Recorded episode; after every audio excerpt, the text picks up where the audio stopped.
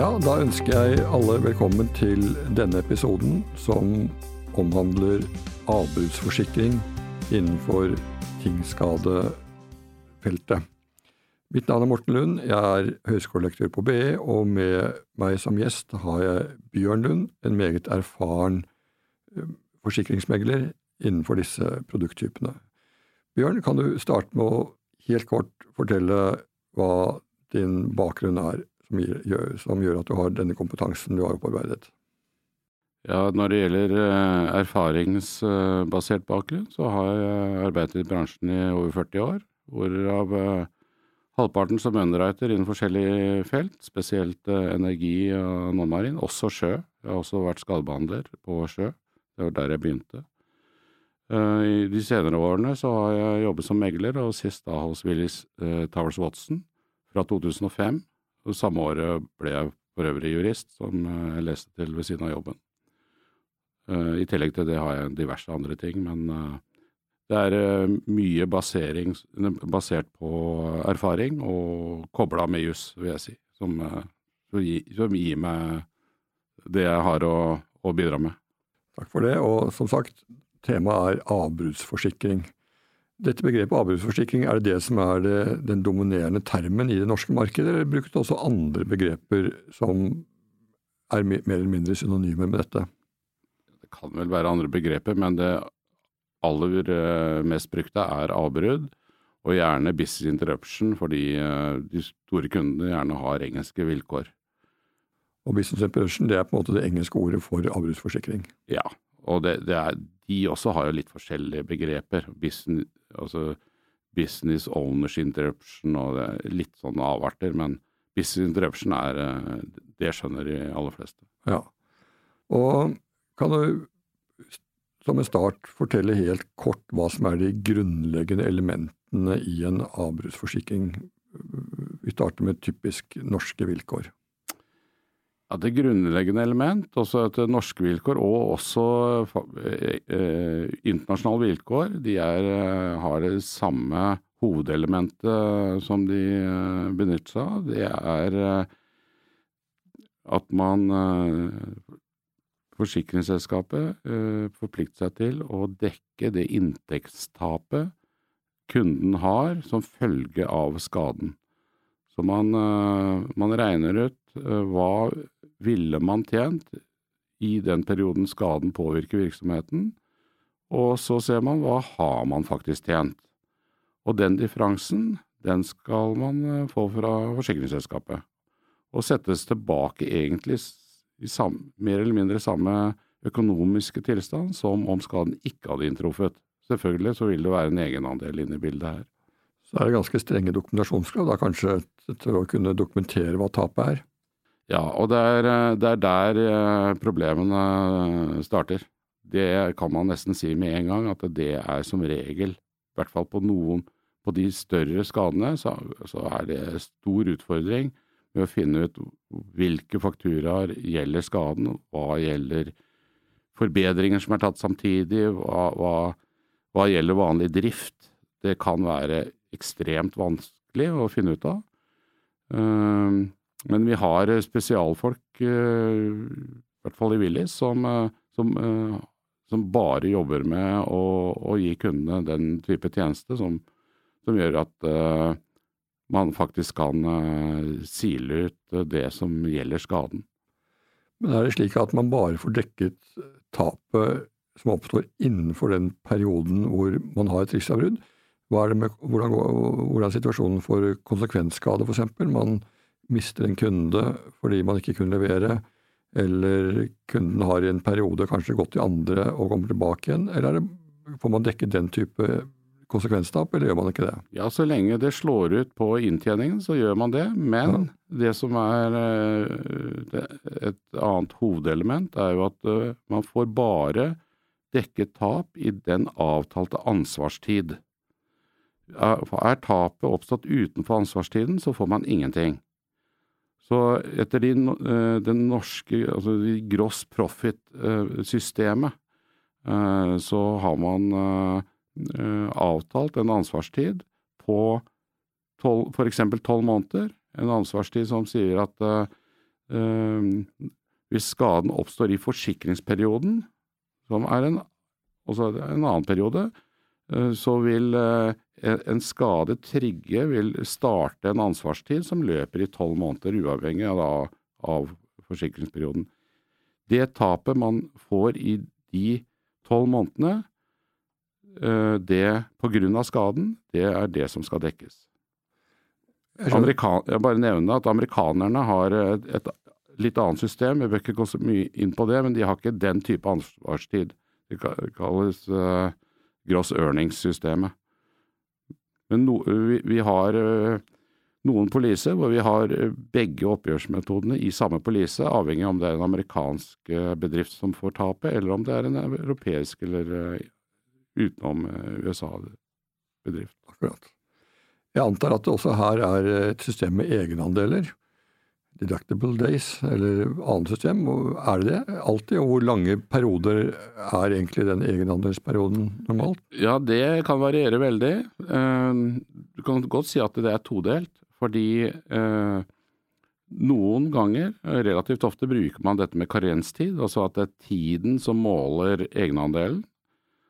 Og da vil eh, kunden måtte bære det tapet som oppstår i uh, karenstiden. Og den regn, Det varierer noe hva den regnes fra, men uh, normalt fra, skaden, fra den dag skaden skjer uh, til karenstiden er utløpt, da starter, da starter utbetalingen, eller kan du si erstatningsplikten hos forsikringsselskapet.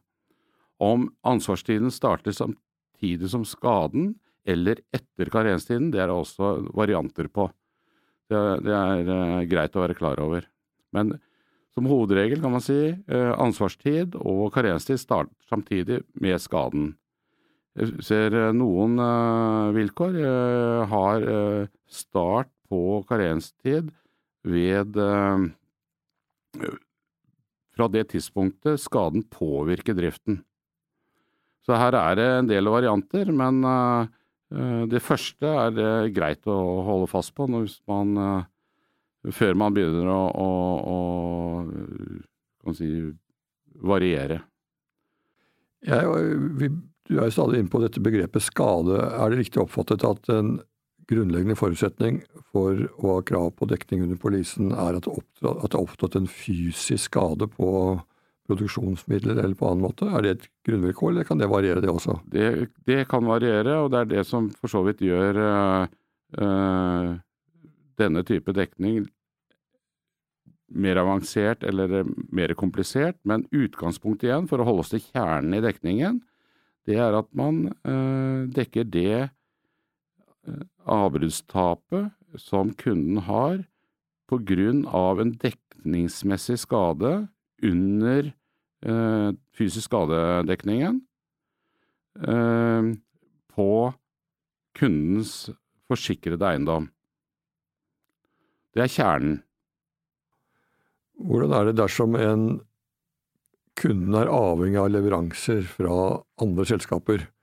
for å kunne få ut for å oppfylle sine forpliktelser.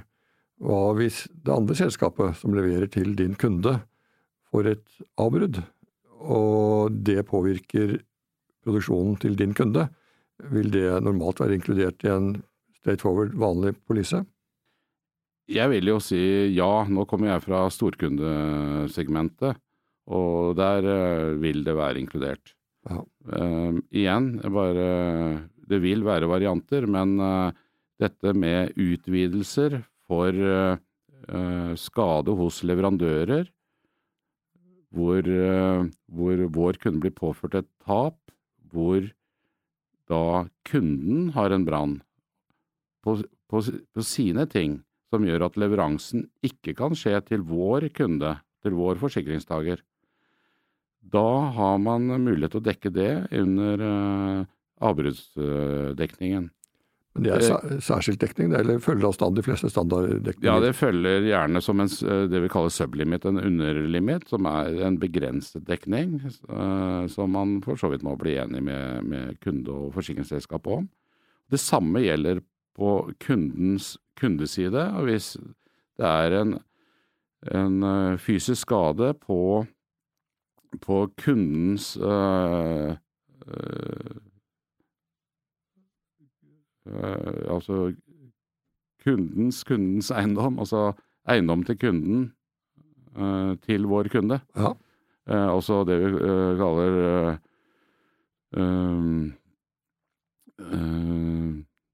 Customers extension på engelsk, og på andre siden, på, på leverandørsiden, er jo suppliers extension.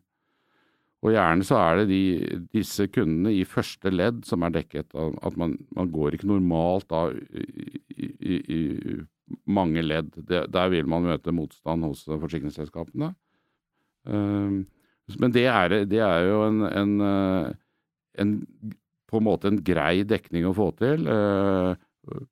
Og det er forsikringsselskapene vant til å, å dekke.